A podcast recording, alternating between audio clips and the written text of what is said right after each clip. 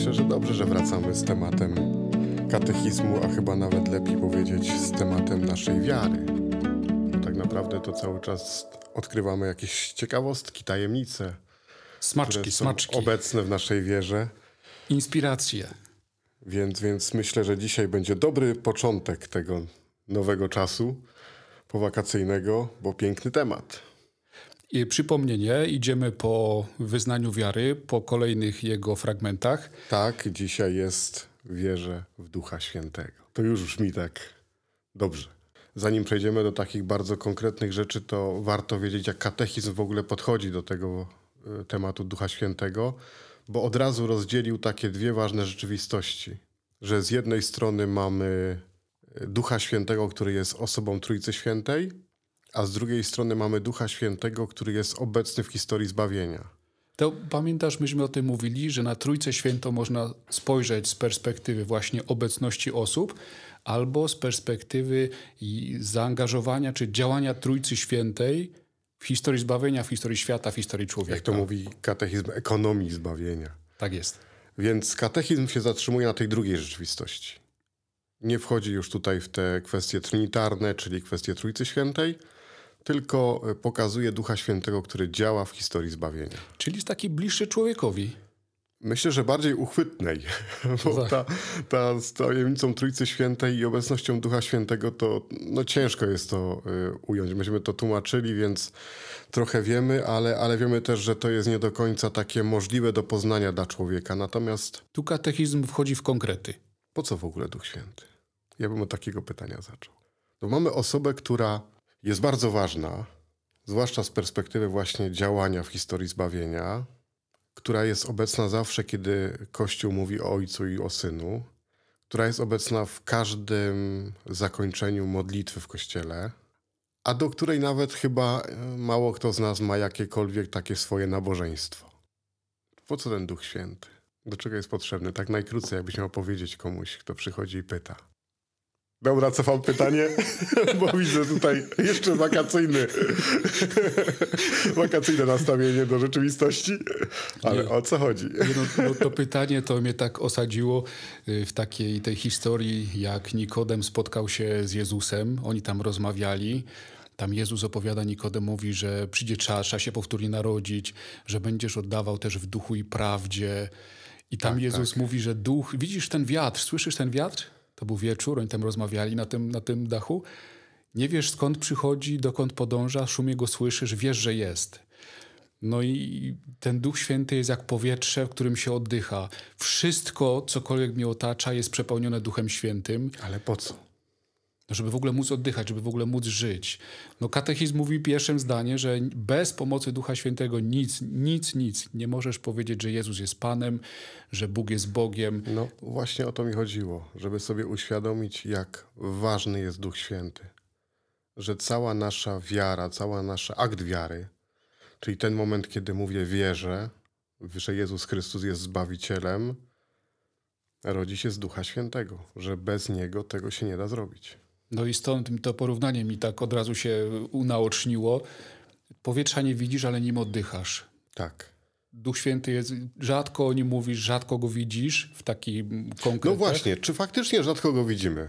Bo to my się przyzwyczailiśmy do takiego mówienia, że Duch Święty to jest taki wiatr, który jest wszędzie obecny, ale nikt nie wie do końca gdzie, skąd, dokąd i dlaczego. A, no. Księże Mateuszu, po tym przeczytaniu katechizmu to już wiem, że go widzę wszędzie. A nie, nie, nie, nie, nie, nie, nie o to mi chodzi. To wszędzie to tak jakby nigdzie. Konkretne przejawy. No, konkretne miejsca, gdzie spotykamy Ducha Świętego, bo to jest bardzo fajne, bo szczerze powiem, że ja się na prowadzeniu katechizmu nie spotkałem z tym, żeby gdzieś było coś takiego jak pokazywanie działania Ducha miejsc, w którym działa Duch Święty. I to myślę, że warto podkreślić, bo katechizm to ładnie pokazuje. Tak. Punkt, gdyby ktoś chciał do tego wrócić, 688. Tak. Mnie to też bardzo zachwyciło. Gdybym czytał katechizm wcześniej, jak uczyłem w szkole, to ten punkt byłby dla mnie chyba najważniejszy w przygotowaniu do bierzmowania, czy w ogóle w rozmowie o Duchu Świętym. Tak, bo to jest coś bardzo, bardzo takiego konkretnego, no nie, że jest obecny w Piśmie Świętym. No my to wiemy, ale nie podchodzimy tak do tego, że jak otwieram Pismo Święte, to to jest miejsce działania Ducha Świętego, no nie, miejsce spotkania z Nim. A oaza o tym mówi. Jak jest namiot spotkania, to pierwsze co, uświadom sobie obecność Ducha i pomódl się do Ducha Świętego. Tak. Być może niektórzy to mają. Potem tradycja.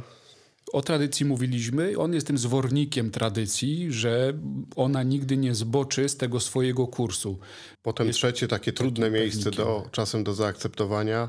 W nauczycielskim urzędzie Kościoła. Czyli którym... jak Kościół mówi coś w sposób taki uroczysty, tak. naucza, na przykład soborowo. To są dogmaty. To Duch Święty jest zawsze asystentem. To tak kurczę mi to nie pasuje, bo to chyba asystentem powinni być ci pozostali, a nie on. Dostały był chirurg i asystent. No a mamy teraz te kontrowersyjne wydarzenia, nie? Mamy ostatnie nauczanie papieża Franciszka odnośnie mszy świętych sprawowanych w rycie trydenckim. Tak. No i tworzą się podziały. Mówi się, że Duch Święty to jest ten zwornik jedności w Kościele, że on ma doprowadzać do jedności.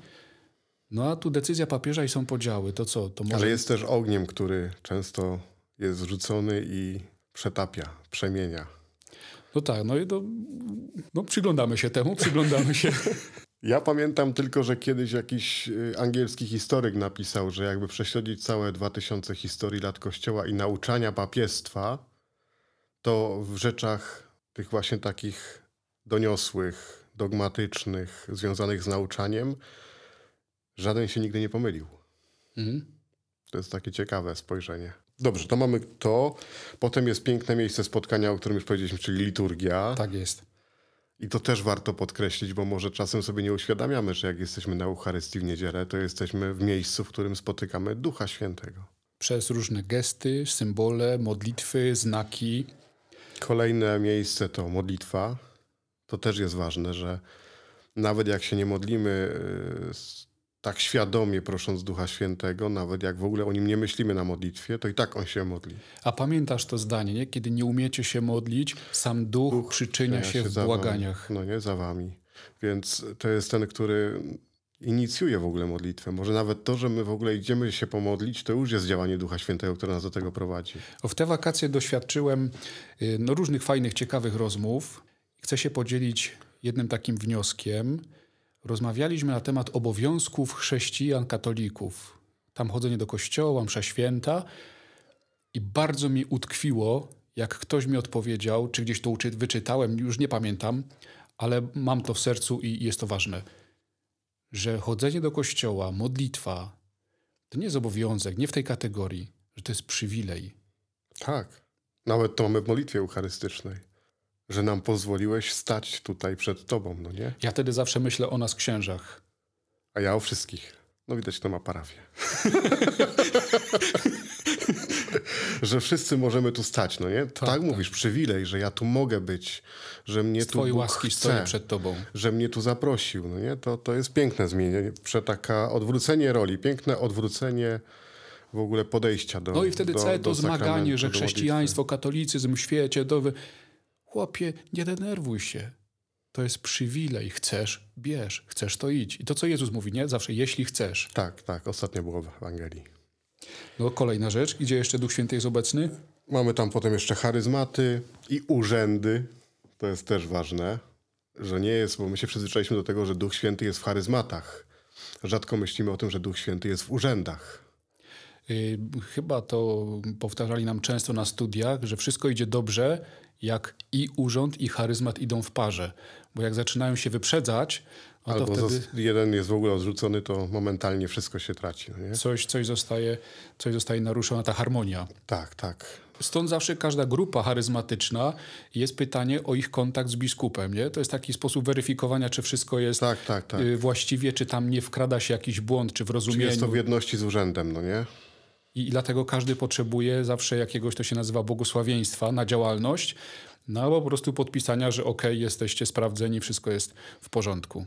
Potem mamy jeszcze życie apostolskie i misyjne. To mi się też podoba, że tam, gdzie misje, tam duch. Tam, gdzie jest misyjność Kościoła, no nie? Że to też jest zawsze miejsce spotkania z Duchem Świętym. I pamiętasz, jak ktoś wraca z misji, nawet to widać po naszych księżach, to jest zawsze taki radosny, taki odnowiony, taki no, no świat by przewracał do góry nogami, żeby tylko poukładać pewne rzeczy. To może by trzeba było każdemu wliczyć tam trzy lata na misjach. No nie wiem, czy każdemu, ale podoba mi się ostatni punkt, że życiorysy świętych. O, że to jest też miejsce spotkania z Duchem Świętym. A dlaczego mi się podoba? Bo jak się czyta historię wielu świętych, takich kościoła, takich, którzy nie tylko żyli zgodnie z wiarą, ale przede wszystkim e, coś zbudowali w kościele, to oni bardzo często nawracali się pod wpływem życiorysów świętych. Mamy na przykład Ignacego Loyole, no nie? On czytał życiorysy świętych i doszedł do wiary.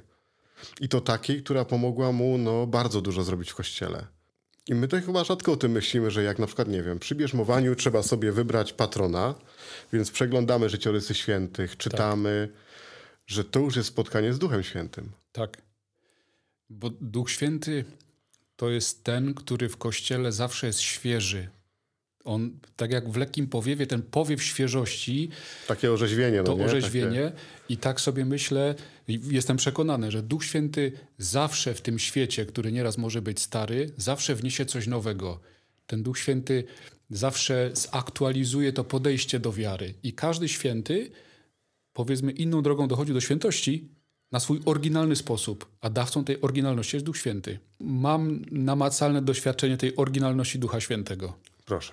To troszkę będzie spoilerowane. Oglądam ostatnio serial The Chosen, wybrany. To można znaleźć łatwo w internecie.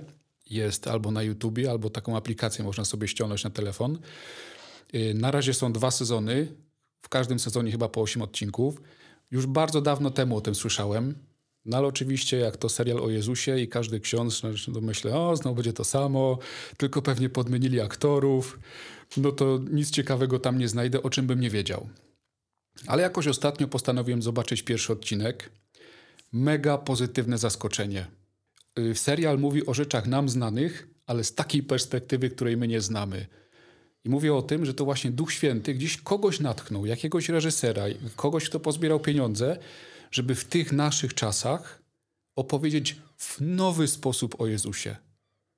Taki rozszerzający spojrzenie. Tak. Podam przykład. Historia y, miłosiernego Samarytanina. W tym serialu, w związku z tą historią, jest opowiedziana historia tych, którzy poturbowali tego, co schodził z Jerozolimy do Jericha. Jest no. pokazany dalszy ciąg tych oprawców. Tam jest taki moment, że ten, to. To już jest reżyserka. Jest, jest, ale to na podstawie tej reżyserki wracamy do treści biblijnych. Tam się to łączą te dwa światy. Pomysł reżysera, no i treści biblijnych, które są na nowo przeżywane. No i tak sobie zrozumiałem, bo to akurat wczoraj oglądałem, że przecież historie biblijne, Jezusowe nauki, to one nie zaczynają się wtedy, kiedy Jezus je opowiada i nie kończą się wtedy, kiedy Jezus kończy. Tak, wiadomo, że on opowiada pewną szerszą historię, wycinając pewien fragment. Tak, one są wcześniej i później. I to, że trzeba szanować Samarytan, to w tym akurat odcinku jest pokazane, że trzeba też przebaczać tym, którzy nam źle czynią, tych, którzy może gdzieś nas skrzywdzą. I, I to jest tam świetnie pokazane, jak Jezus przychodzi do tego gościa i on mówi: Nie powinieneś tu być. Przyszedłem właśnie do ciebie. No i tam apostołowie mu towarzyszą, ci uczniowie patrzą na tego Jezusa. No to no, reżysersko świetna robota. Polecam. Dobrze, no to mamy, wiemy, że są miejsca takie bardzo konkretne, sprecyzowane, gdzie możemy spotkać Ducha Świętego, bo to jest ważne, że ja wiem, że jak idę na modlitwę, to tam spotykam Ducha Świętego, jak jestem na liturgii, jak czytam Słowo Boże, nawet jak y, czytam y, nauczanie papieskie, to spotykam Ducha Świętego. No to teraz przejdźmy do imion, symboli, określeń, całego bogactwa tego, w jaki sposób tak naprawdę Pismo Święte i tradycja Kościoła określa Ducha Świętego. To też bardzo cenię w katechizmie, że on te rzeczy ustawia i tak jak powiedziałeś, co innego jest imię Ducha Świętego, co innego jest jego określenie jakimiś dookreślającymi przymiotnikami, czy jak to tam, a co innego jeszcze są symbole Ducha Świętego. Tak. No to imię to wiemy. Duch Święty. Tak, i to jest ważne, że zawsze to się mówi, że osoba Ducha Świętego.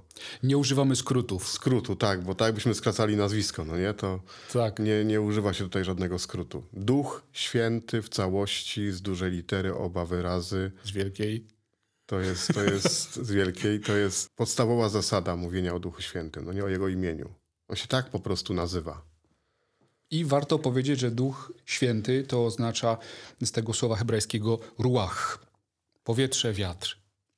Troszkę żeśmy o tym dzisiaj wspominali. I potem mamy to fajne, te określenia Ducha Świętego. Tak, najbardziej znane. Pocieszyciel, Paraklet. adwokat.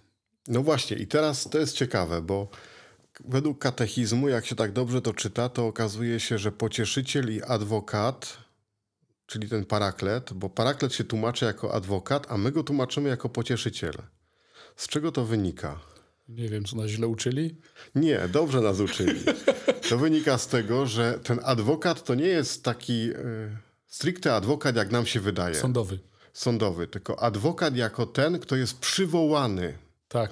I teraz paraklet to jest ten, którego się przywołuje, żeby jego obecność wsparła człowieka, zadziałała. pocieszyła, zadziałała i stąd się go nazywa pocieszycielem, czyli kimś, kto nie wiem, przyjeżdża do ciebie, żeby ci poprawić yy, Życie. życie. To humor, nastawienie, spojrzenie na wszystko. To warto tak zobaczyć, bo, bo my może to tak nawet trochę możemy No ale nas uczyli, powiedzieć? że było adwokat i był ten obraz, to nie wiem, czy to z pism jakiś y, tłumaczy, czy ojców kościoła, że on jest adwokatem, czyli tym obrońcą, który się wstawia za nami. Można to też tak pewnie tłumaczyć, ale zauważyłem, że katechizm nie Poszedł wchodzi w inną takie stronę. coś. Tak, poszedł w tą stronę, że to się łączy z tym pocieszycielem. Że jest przyzywany. Że jest przyzywany, że jest ten, który jest przy tobie. No i stąd w sakramentach każdy ważny moment my przyzywamy Ducha Świętego, Tak. y, aby On przemienił ten chleb i wino. Nie? I ta wyciągnięta ręka, o tym jeszcze Najbardziej to widać przy małżeństwie i przy bierzmowaniu, no nie? Małżeństwo i się śpiewa hymn do Ducha Świętego Tak. przed sakramentem, żeby go przyzwać, no nie? No i mamy jeszcze kilka innych tych określeń, że to jest duch obietnicy, duch przybrania za synów, duch, Duch prawdy. duch chwały. Ja sobie tutaj wynotowałem, że ten fragment katechizmu jest doskonały do uczenia się modlitwy. No bo wiadomo, że my lubimy swoimi słowami się zwracać do Pana Boga. E, I jeżeli mi brakuje tych określeń, jak się zwrócić do Ducha Świętego, no to tu mam genialną podpowiedź. Tak, tak, wyciągnięte są wszystkie. No to przejdźmy do symboli, bo to myślę, że jest też ciekawe. Duch Święty jako woda, symbol Ducha Świętego woda. Tak, daje życie, bogactwo życia, płodności. W Starym Testamencie też różne momenty, jak tam wytrysnęła woda ze skały. Woda to jest w ogóle jakiś taki symbol w kościele, który ma niesamowite znaczenie. Bo na przykład przy Chrzcie Świętym woda y, i oznacza śmierć i życie, nowe No tak. życie. Mm, Ciekawym jest symbolem namaszczenie. No ja zawsze myślałem, że olej. Nie, nie ma, że olej. A nie ma, że olej. Olej nie jest symbolem Ducha Świętego, tylko symbolem Ducha Świętego jest namaszczenie. Tak, czyli moment, kiedy kreśli się olejem na czole człowieka. Tam katechizm mówi, ten styk oleju ze skórą jest tak nierozłączny, jak działanie Ducha Świętego. Nie wiem, czy wyłapałeś skąd to się bierze. Dlaczego namaszczenie jest takim właśnie ważnym symbolem Ducha Świętego. Dużo wcześniej w katechizmie o Duchu Świętym było napisane, że Duch Święty to jest ten, który zawsze i wszędzie towarzyszy w pełni Jezusowi, bo jest tym, który go zawsze namaszcza na Zbawiciela, na Mesjasza. I oni są właśnie bez żadnej przerwy. Tak. Nie ma granicy jak gdyby między nimi. Owszem, my mówimy, y, rozróżniamy osoby, ale jak gdyby w ich działaniu oni są zawsze bardzo blisko siebie i stąd to namaszczenie też jest tak robione, żeby nie było przerwy, no nie? Tak, skóra i olej. Kolejne ogień. To, To, mi się podoba, to mi się podoba. To na bierzmowaniach dość często jest siedem tych y, języków z ognia jako dekoracja. To jest taki symbol, powiedziałbym, który jest bardzo piękny, tak jak mówisz, bardzo często używany, ale chyba nie do końca rozumiany w Kościele. Bo to jest Duch Święty, który przetapia, przemienia. Czyli to jest ten duch, o którym Jezus mówi, że pragnie, żeby on już zapłonął, że pragnie, żeby Tak. już zadziałał, ale to nie jest taki duch, który przychodzi pocieszać. To jest taki duch, który przynosi wszystko przemienić, czyli nawrócić człowieka. To jest takie bolesne doświadczenie Ducha Świętego czasem, kiedy nam pokazuje, i o tym też mówi Ewangelia, gdzie jest grzech. Kolejny obłok i światło. To mi się to kojarzy z tymi wszystkimi tajemnicami. Mamy w Piśmie Świętym, kiedy Jezus y, dokonał przemienienia na górze Tabor, tam się w obłoku ukazał, czyli cała ta chwała. Tak, tak, dekalog, Boża. też y, obłok, no nie? Y, namiot spotkania, obłok, który był nad stworzenie świata, obok światłość. To wszystko się gdzieś zawsze pojawiało przy działaniu Boga i jest symbolem Ducha Świętego. Podoba mi się pieczęć. To już takie rzymskie. Tak, pieczęć. E,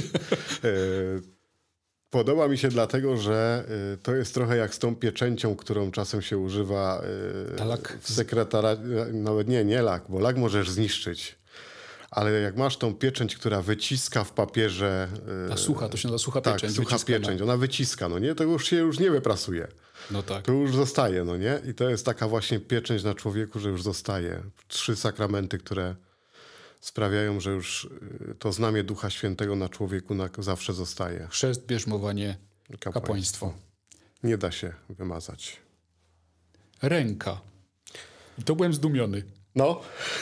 Symbolem Ducha Świętego jest ręka. No ale z drugiej strony najczęściej przyzywamy Ducha Świętego wyciągając ręce. Tak. Eucharystia, przemiana, sakramenty, wyciągamy rękę. W czasie spowiedzi, kiedy ksiądz udziela rozgrzeszenia, to też wyciąga, Też wyciąga rękę, rękę. nad y, spowiadającym Tak. się.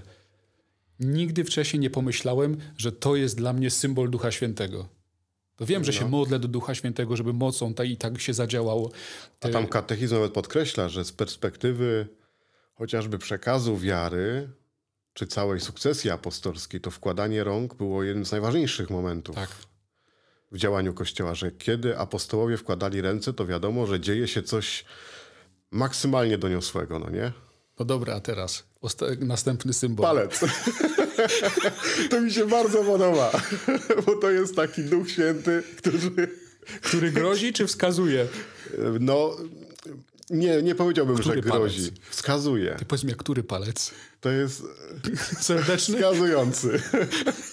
ja myślę, że to jest palec Boży, czyli ten wskazujący. Tam jest nawet podkreślone, że tu chodzi chociażby o dekalog, o tablicę. Yy, Potem chodzi o dekalog, który jest w sercu człowieka, czyli o to prawo, które Bóg mu yy, daje w sercu, że Duch Święty to jest ten, mi się wydaje, który właśnie jest duchem prawdy. Przychodzi i mówi jak jest. Palcem pokazuje tak. Ale to być może też jest taki znak władzy, bo powiedzmy, co mówi katechizm. Jest taki moment, kiedy Jezusowi zarzucają, że on mocą Belzebuba wyrzuca złe duchy. A Jezus mówi, ja palcem Bożym wyrzucam Tak. złe duchy. I teraz ten to jest taki znak władzy i, i takie określenie Ducha Świętego, bo przecież on wyrzuca złe duchy mocą Ducha Świętego, który w nim działa i jest. I tam jest pod koniec też y, nawiązanie do hymnu Veni Creator Spiritus, czyli y, o Stworzycielu Duchu przyjdź, że tam jest słowo palec. I po polsku nie ma tam słowa palec. Sprawdzałem po łacinie i po łacinie jest. Jest. To jest kwestia tłumaczenia. Palec prawicy ojca. My śpiewamy, bo moc z prawicy ojca masz. Moc. To Moc. właśnie to jest podkreślenie, no nie? Że, że Bóg to jest ten, który ma władzę, moc, potęgę, która, która się wyraża w takim palcu. Mi się to bardzo spodobało, bo y, to pokazuje, że y, ten Duch Święty jest naprawdę taki bliski człowiekowi. Nie? Że to jest ktoś, kto nawet czasem potrafi przyjść, słuchaj, tu, tu masz, palcem ci pokażę, no nie? To ty jako proboszcz czasami coś wskazujesz, że trzeba coś zrobić? Nie. To pamiętaj, że trzeba się też pomodlić, bo to jest znak Ducha Świętego. No i na koniec mamy gołębicę, to akurat jest taki naj, chyba najczęstszy symbol i prosty i, i, i dość jasny. I to jest odwołanie się do historii też, żeby to lepiej zrozumieć e, Noego. Tak, Arka gołębica, Noego. która przyniosła e, tą gałązkę, no nie? No już chyba będziemy kończyć. Zostało nam jeszcze, jeszcze działanie Ducha Świętego, ale to jest tak bogata rzecz, że na pewno dzisiaj nie zrobimy. To mam jeszcze fajne, że dzisiaj świat chce nam pokazać Kościół jako instytucję. Zauważyłeś? Oczywiście. Wszędzie jest nie chce nam pokazać, tylko tak traktuje. Tak nas traktuje i, i, i, i tak nam domalowuje wszystko. A przecież my żyjemy w obecności Ducha Świętego i mamy inne cele. Naszym celem, czy celem Ducha Świętego, celem działania Ducha Świętego w Kościele jest to, żeby przeprowadzić człowieka z szczęśliwym sumieniem z tej ziemi do zbawienia. Bardzo mi się spodobało to określenie. Szczęśliwym sumieniem. No to się pokrywa z tym pocieszycielem, no nie? On chce, żeby człowiek był szczęśliwy. Nawet jak to czasem kosztuje to, że będzie przemieniał, no nie? To co nas czeka w następnym spotkaniu? Oj, przejdziemy przez trzy wielkie okresy w historii życia człowieka. Na ziemi. Dobrze zabrzmiało, no nie? Tylko wielkie mnie okresy. poprowadź. Może nie śpiewaj. Na pewno będzie ciekawie. Serdecznie zapraszamy. Cieszymy się z naszego spotkania po wakacjach i zapraszamy na kolejne. Dobrze, że jesteś. Wzajemnie.